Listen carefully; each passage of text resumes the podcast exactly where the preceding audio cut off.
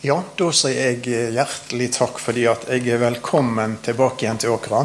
Selv om jeg har vært her før. Eh, veldig kjekt å, veldig kjekt å se deg igjen, og veldig kjekt å være her. Og denne gangen husker jeg faktisk når jeg var her sist òg. For det er kun et år siden. Ett år og ei uke, tror jeg. Så eh, nå er det rimelig jevnt, da. Eh, temaet er det det som har gitt meg, altså iallfall bakgrunnen for dette temaet. Eh, jeg hadde en liten sånn eh, samtale med Mango på Facebook om temaet. Og eh, jeg tror jeg må få referere den. Fordi Han skriver da at de har tenkt litt angående tema for møtehelg, som skal være jo dere i november. Og hva tenker de om et liv i lys av Jesu gjenkomst? Men så slutter han ikke med det. Vi ønsker jo at du òg kommer tilbake neste høst. Og da ble jo jeg litt uh, betenkt. Uh, så jeg skriver 'Forstår du rekna ikke med Jesu gjenkomst før september 2015'. Og så skriver jeg at jeg skal tenke litt over dette her, og så skal vi be litt over det. Og um, da svarer han at uh, vi må jo ha en plan B. Ja. Så nå er det plan B, da, dette temaet her. Men samtidig så får vi jo regne med da, at plan A kan jo slå inn. Det vet vi jo ingenting om. Så det er spennende dette her. Det er spennende å leve. Men eh, jeg foreslår da 'medan det venter', ja. Så nynorsk som det går an. Så det er altså da tema for disse eh, fire samlingene som vi skal ha. Og jeg får jo bare si med en gang at Dette her kommer jeg aldri til å bli ferdig med eh, på disse her eh, møtene som vi har. Men eh, vi skal ta noen sider ved det, og håper det at Gud bruker dette her. Så det kan bli til gagn for oss og til nytte for Hans rike. Far i himmelen, jeg har òg lyst til å be om at du lar ordet ditt og anden din virke sånn at vi merker at du taler til oss. Og så ber jeg om tjenestenåde. Amen. Medan det venter Og det der med venting og det der med å vente, det er jo et begrep som vi alle kjenner noe til. Alle har vi mer eller mindre erfart noe med venting. Eh, Båndene har sine ting de venter på, ungdommene har sine ting de venter på. Voksne har noe de venter på, pensjonister har noe de venter på. Så det her med venting det har med, altså med mange forskjellige ting å gjøre. Eh, det har med nære ting å gjøre, kan ha det, og det kan ha med fjerne ting å gjøre. Eh, det kan ha med livsfase å gjøre. Det kan ha med opplevelser å gjøre, det kan ha med forskjellige ting å gjøre. Det kan ha med arbeid å gjøre. Det kan ha med familiesituasjonen å gjøre. Altså Det skjer noe. Vi venter og gleder oss f.eks. til en ting som skjer i familien. Vi venter på forskjellige ting. Venting har alltid med framtid å gjøre. Du venter ikke på å gi bursdagen din i 2012. Du venter ikke på ting som har skjedd, men du venter, og det du venter, det ligger der framme en eller annen plass, og det virker noe i oss. Og dersom vi venter på noe godt, så kan det godt eh, løfte oss litt. Det kan eh, gi livene våre en løft. Venter vi på noe vondt og vanskelig, så er det ofte at det kan trykke oss ned. Eh, for en del år siden hadde vi, altså vi begynte med noe eldreleirer, heter det før, på leirplassen vår. Og jeg husker I denne første tida så var det flere, det var spesielt damer, som kom og sa det at vi har venta i et år nå på denne leiren. Og så hadde de en vinter, og så var det litt sånn eh, mørkt og litt sånn trist. Og så sa de det at det var så kjekt å kunne ha noe å vente på. Vi skal på leir. Og så hadde vi noen familielærer. familieleirer. Da hadde vi ei artig dame, skjønner du. fordi at hun kom hvert år på familieleir. Og hun gledde seg sånn til familieleiren. Vet du hva hun skulle? Hun skulle sove middag. Hun hadde flere bånd, skjønner du, og, og det hadde travelt, hektisk hele veien. Og så var liksom høydepunktet i året det var liksom når hun kunne komme på familieleir. Og så hadde barnejentene tok seg av ungene og alt det samme. Jeg vet ikke hvor man ble av. Men altså, hun fikk hvile middag. Utrolig å komme på familie. Og dette gledde hun seg til i månedsvis før hun kom. Og det, liksom, altså det gjør noe med folk. Og Så kan du ta det motsatte å ha negative ting. sant? Og, og du kvirer deg. altså Der framme kommer det noe vanskelig. Du vet det, det, og det kan tynge deg ned. og Du kan nærmest bli deprimert med tanke på sånne vanskelige ting som, som sikkert ligger der framme en eller annen plass. Det er ikke kjekt å vente på noe vondt. Men det er utrolig kjekt å vente på noe godt. Og jeg sier igjen at det som vi venter på, det gjør veldig ofte noe med oss. Så er det faktisk sånn at alle på Karmene har noe i vente. Alle sammen. Men det er ikke alle som venter. Og det viktigste av alt som folk har i vente, det er en evighet. Og det er obligatorisk for alle karmøyværinger og alle mennesker. At der framme så venter det en evighet.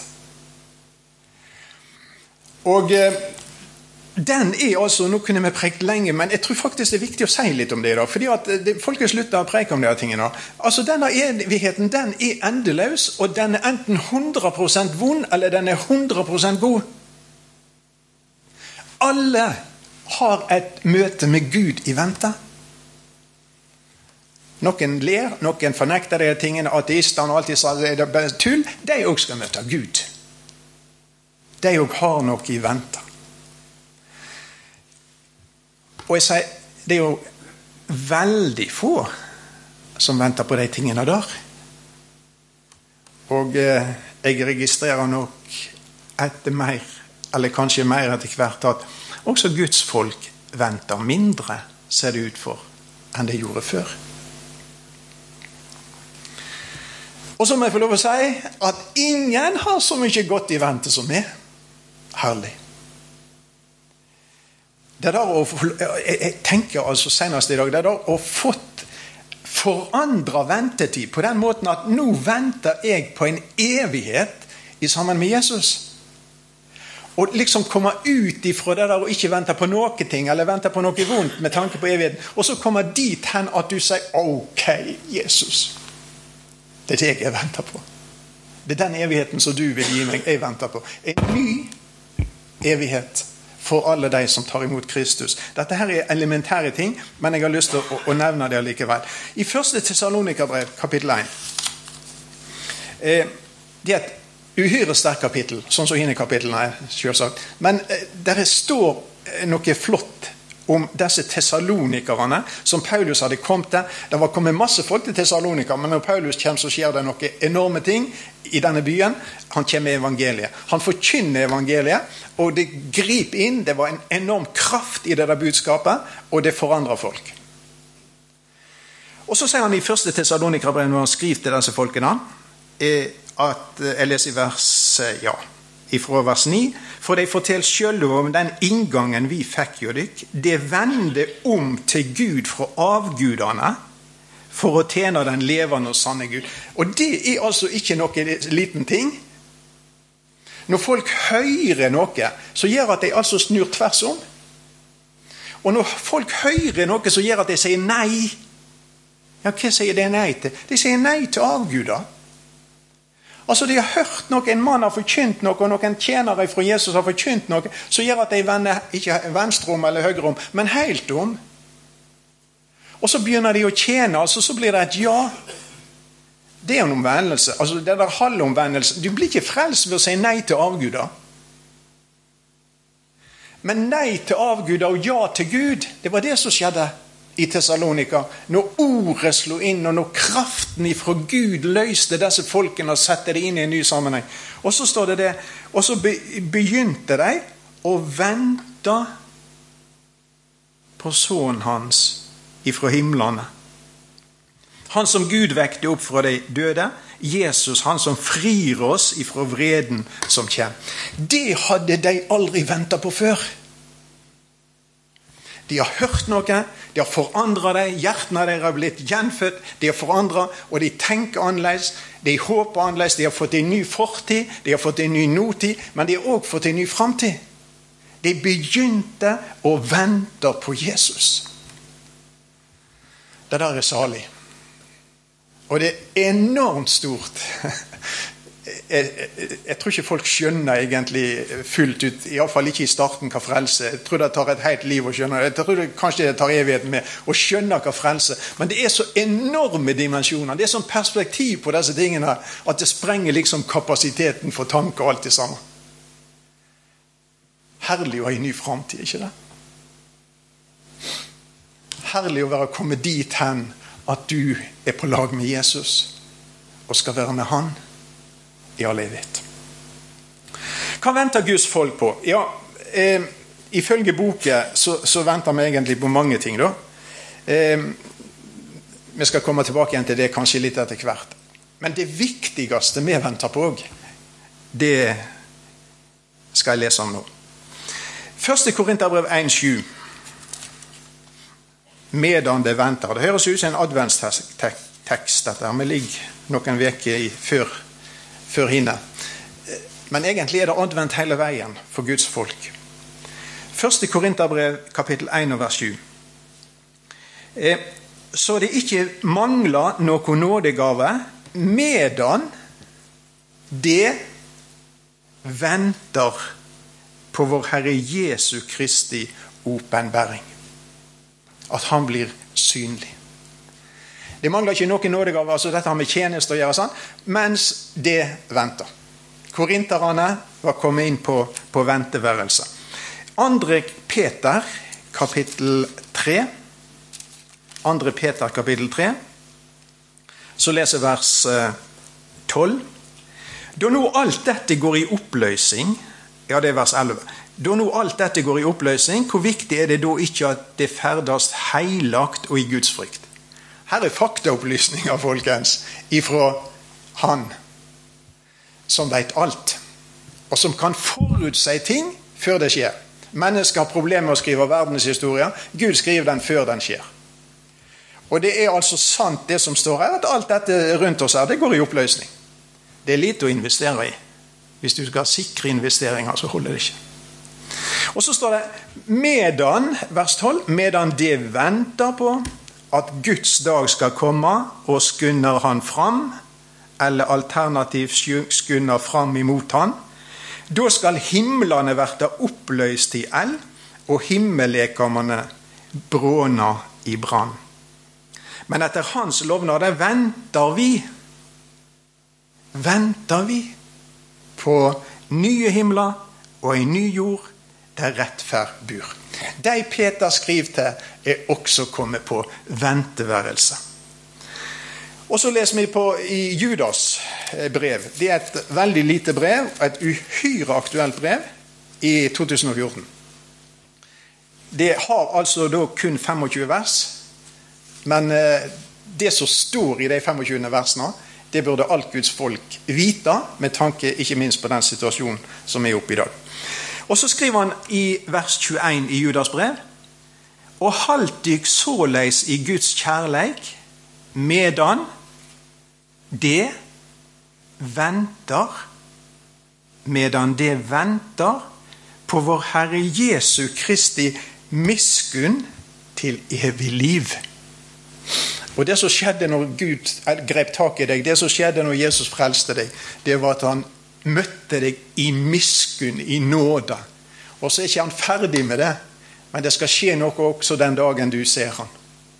Og jeg trenger miskunn hele veien.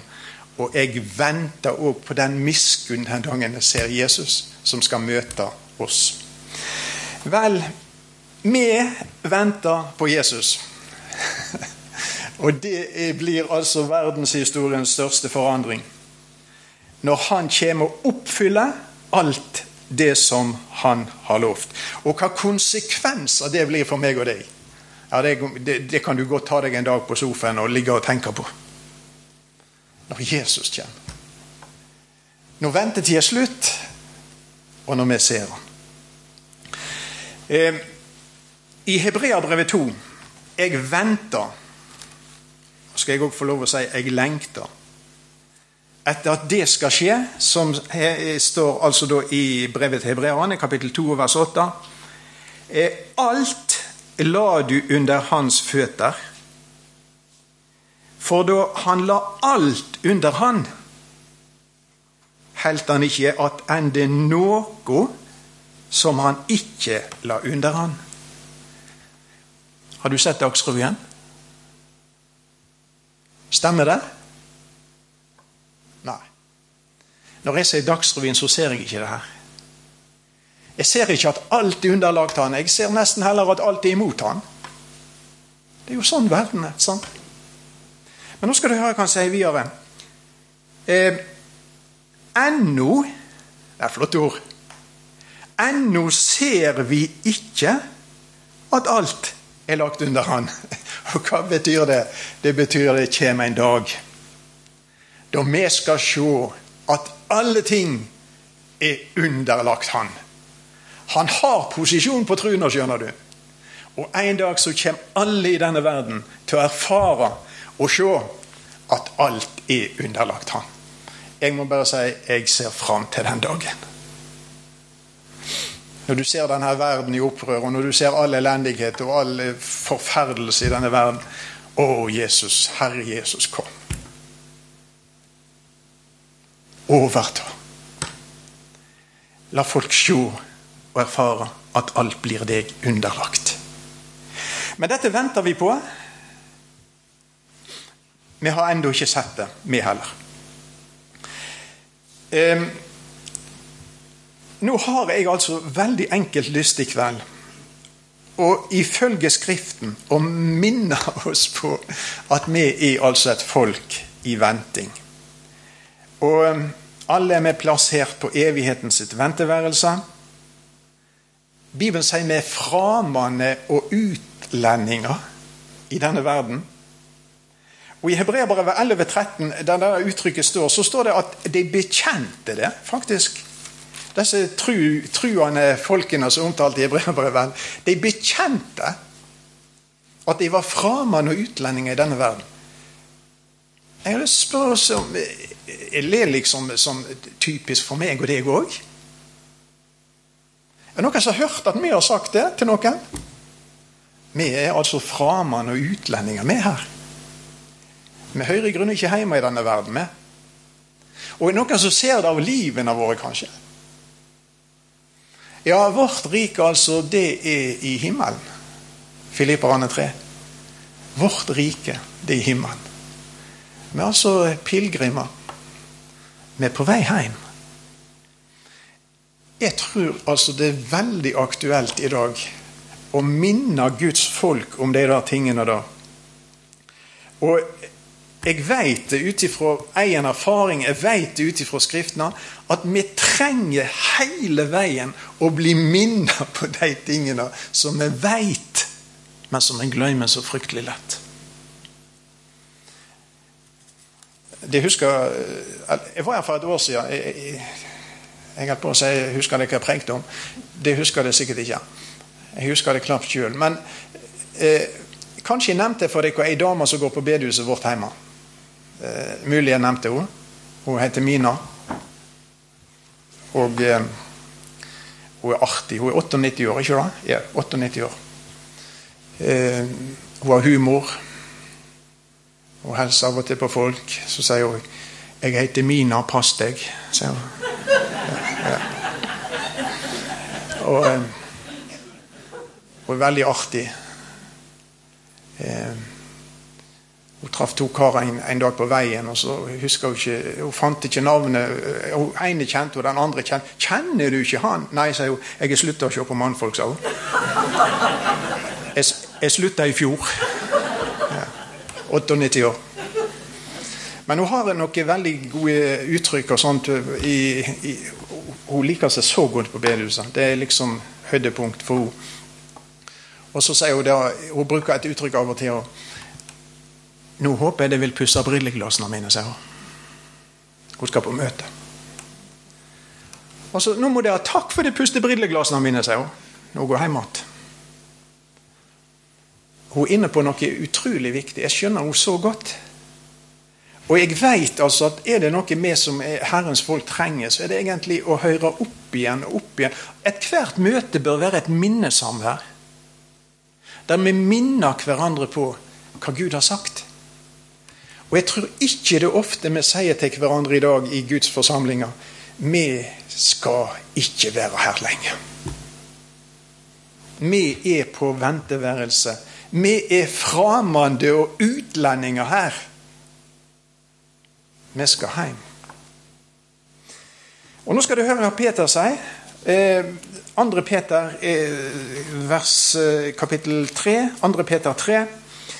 Mine kjære Å, der er hyrden med hjertet for sauene. Du vet Jesus hadde sagt til han at han skulle vokte sauene hans. Han skulle, han skulle fø dem, han skulle gi dem mat. Lammene og sauene, Peter. Ja, han satsa på denne mannen som hadde fornekta han. Men han fikk fart i han. Han fikk fyr i han. Og han fikk vaska han og rensa han og fikk han på plass igjen.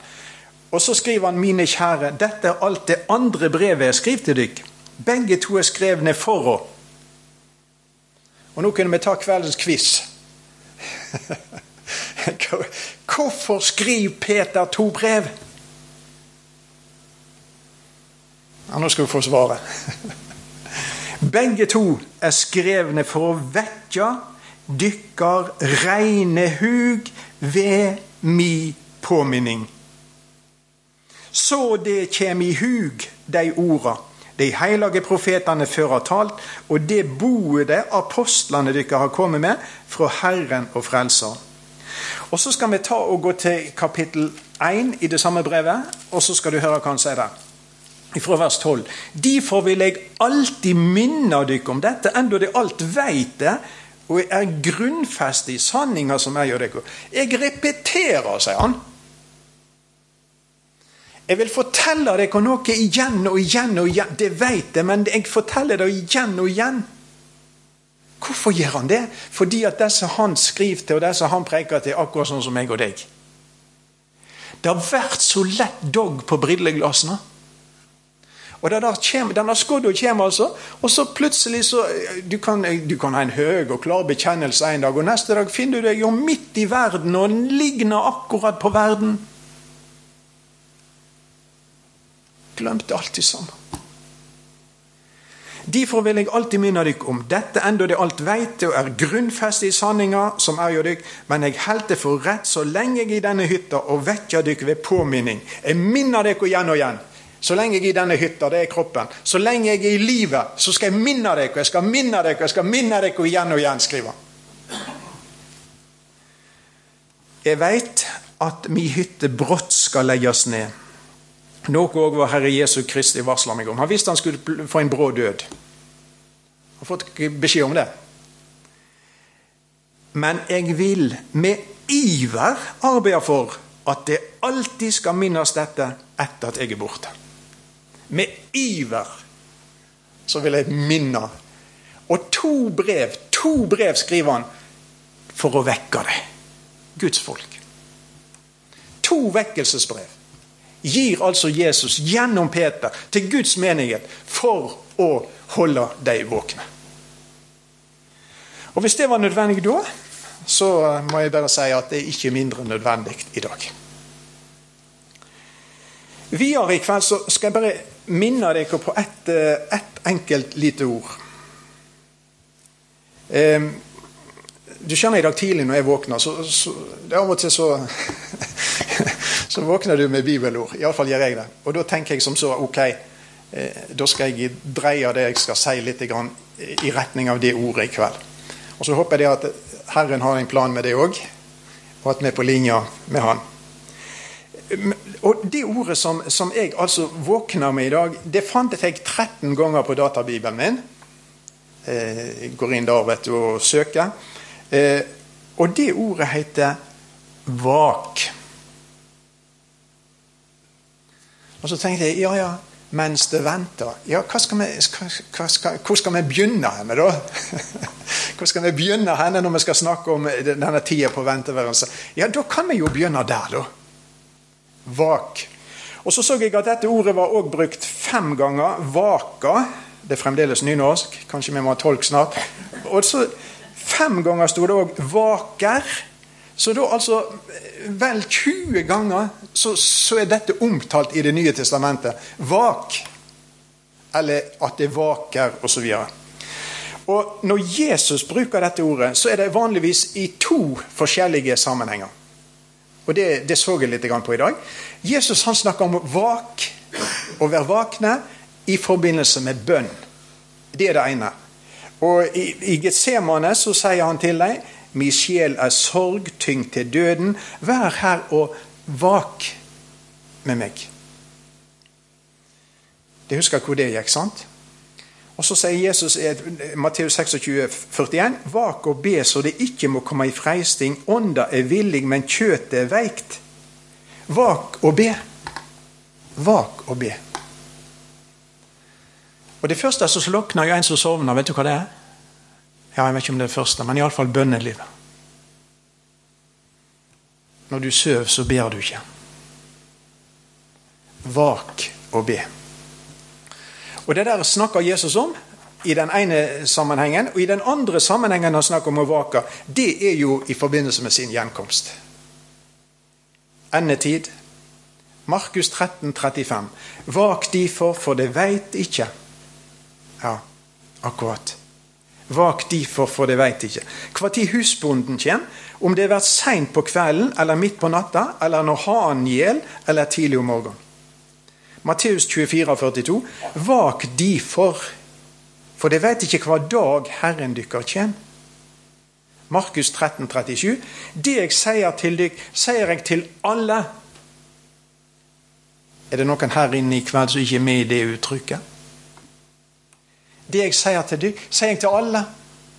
Oi, det var i svære adresser. Hva er det han sier til alle? Vak.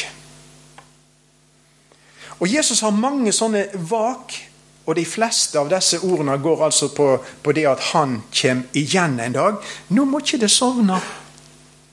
Nå må det vake. Skal vi gå til Paulus, og han sier det sånn i apostelgjerningene 2031. Det der i apostelgjerningene 20 det er en herlig flott beretning om et avskjedsmøte. Eh, Paulus regner med det siste gangen han ser de eldste i, fra Efesus. Det er kommet til Milet, og så har han avskjed med det. Det er et sånn gripende, skikkelig avskjedsmøte som ender på kne. Med noen mannfolk som griner. er flott. Og i den sammenhengen så sier han i vers eh, 31 i apostelgjerningene 20 Vak derfor, og kom i hug at jeg i tre år natt og dag ikke holdt opp med å formane hver eneste en med tårer. Noe med det siste han sier til disse her eldste fra Efesus, lederne, de åndelige lederne. Våk. Og sammenhengen han sier det i, vet du hva det er? Ja, fordi at det, det kom angrep på Guds menighet. Det kom angrep, det kommer ulver inn utifra, sier han. Og de sier ikke 'hjertelig velkommen til ulvemøtet'. 'Jeg er en ulv som ikke hører på meg'. De sier ikke det. Men ulvene opptrer altså som, som, som Guds sendebud. Og disse vil angripe Guds folk og angripe Guds menighet og ødelegge den. Og så sier han det kommer ikke bare ulver utifra, men mellom dere sjøl skal det òg oppstå menn som fører altså vrang lære, altså forførere eller vranglærere. Og, og, og, så maler han med skikkelig svarte skyer på, på horisonten. Og så midt i det Vaksen. Vær våkne. Og var det nødvendig da, så sier jeg igjen, det er ikke mindre nødvendig i denne tid som vi lever i. At vi har folk som er våkne som altså kan si det er altså en ulv, og det er altså en sann hyrde.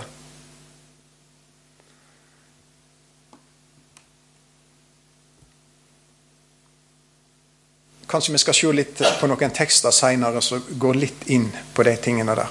I 1. Korinterbrev 16 eh, så skriver han det er sluttappellen i 1. Korinterbrev. Så sier han til dem Vak, stå fast i trua, vær mandige, Vær sterke. Herlig. Jeg vet ikke om du liker formaninger, men jeg, jeg liker det. For jeg opplever at i formaningene der er altså Guds hjerte bak. Dette varme håndtrykket fra himmelen. Hørte du hva han sa til korinterne? Igjen. Vak, stå fast i trua, vær mandige, Det er altfor lite mannfolk i dag i Guds rike.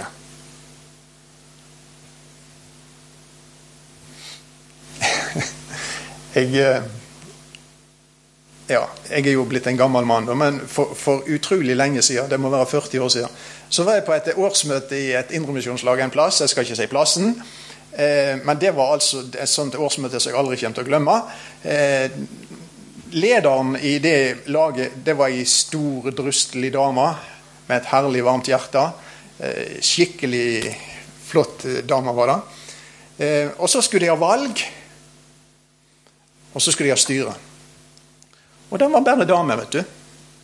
Og så var det ei hånd som kom opp nede i, nede i salen og at Skulle ikke vi hatt inn et mannfolk i dette styret? Og så sto formann, fru formann Nei, her, sa hun, og så sa hun plassen. Her er det ikke mannfolk her. Og da satt det iallfall fem, seks, sju mannfolk nede i salen. Jeg glemmer ikke den. Men det er et lite poeng i det. fordi at jeg savner mannfolk i dag. Mannfolk som står for noe. Jeg på å si Om du er dame eller mann altså, Men det å stå for noe, det å kunne formidle sannheten midt inn i en verden full av rot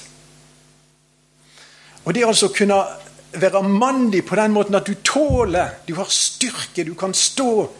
Og du kan stå for noe om du står alene. Vær mandige. Ja. Um, Peter skriver om det samme. Han skriver eh, 1. Peter eh, 5,8.: Vær edrue, vak. Vak. Motstanderen dykker djevelen går omkring som ei brølende løve og søker etter noen han kan sluke. Det er lurt å være våken da. Da ser du. Da har du sanser så du kan registrere. Og så kan du stå. Eh, Peter er ei bæresøyle. Johannes er ei bæresøyle. Apostelen Johannes. Han formidler Jesus i nord i åpenbaringen 16-15. Sjå, jeg kjem som en tjuv. Sæl, salig er den som vaker. Salig er den som vaker.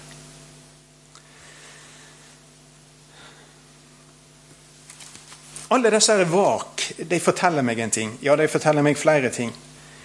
Det forteller meg at det er en reell fare for å sovne. Ellers trenger ikke Jesus si det. der. Ellers trenger ikke Peter eller Paulus eller Johannes De trenger jo ikke si de da tingene hvis dette her liksom var helt urealistiske ting. Men når alle disse her gang på gang sier vak, så sier det til meg altså her er en fare, og her er det viktig at vi som Guds folk hører, og at vi som Guds folk lar oss bearbeide i denne tida her så vi er våkne. Og Når det gjelder akkurat disse tingene her, så må jeg jo bare si da mot slutt her at um, Herren han gir oss utrolig mye hjelp. Han sier ikke bare 'våk', men han gir oss utrolig mye hjelp til at vi kan være der han vil ha oss. Nemlig våkne og virkende og tjenende og beende helt til vi går ut av venteværelset og inn i evigheten. Og det han bruker, det har iallfall jeg kommet til, det er ordet sitt og anden sin. For når Jesus og Gud taler til oss gjennom ordet sitt, og disse, disse anden bruker disse tingene og gjør det levende for oss, da gjør det noe med oss. Det er vanskelig å sove når Guds ord rammer deg. Det er vanskelig å sove når disse ordene lever i deg, for de er levende og kraftige og skarpere enn noe tvegersverd. Og når det der jobber i deg, så det er det umulig å sove. Og så har Gud gitt oss så mange eh, eh, avsnitt i ordet sitt, så mange historier, som altså er med og hjelper oss som ikke sovner. Det er grådig dumt å sovne på venterommet. Vak. Vak vak. Og Det som jeg har tenkt litt på videre, det er at vi skal ta noen, noen eksempel nå fra Guds ord. Det skal jeg ikke gjøre i kveld, men i morgen sannsynligvis. Vi skal ta noen eksempel fra Guds ord der vi møter Guds folk i en ventesituasjon. Og så skal vi se på noen negative eksempel. Og så skal vi se på noen positive eksempel. Hvis det går sånn som jeg tenker i kveld. Og nå, jeg, nå, er det jo noen som sier du må ikke preike om det der negative tingene i Guds ord. Eh, det er dårlig pedagogikk og det er dårlig strategi og alt det samme. Jeg bryr meg ikke om det, fordi jeg ser at Gud preker om de tingene der. Og jeg tenker at når Gud preker om negative ting i, i, ordet sitt, så er det helt sikkert akkurat sånn det skal være. Og så kan det hjelpe meg. Og så kan det hjelpe oss. Og det skal vi se litt mer på i morgen, som sagt. Men eh, la meg bare slutte nå med å, ganske enkelt å, å spørre oss her i kveld. Er vi våkne? Venter vi på Jesus?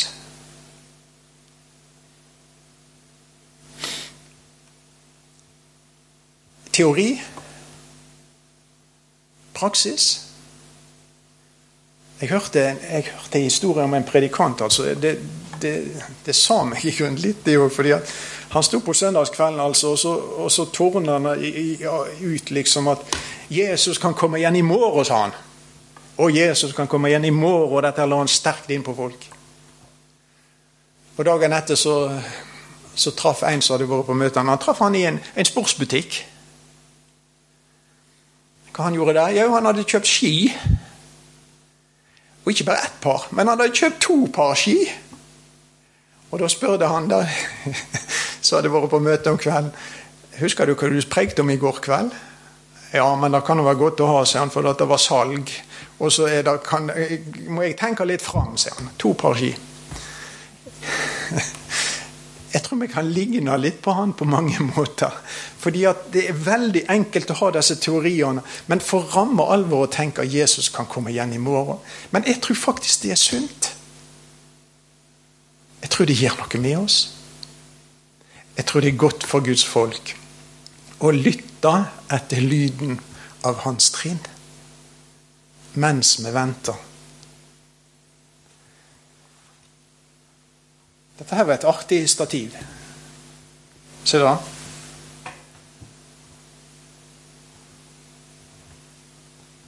Jeg så litt på den der også. For meg illustrerer dette på en måte det er en som venter.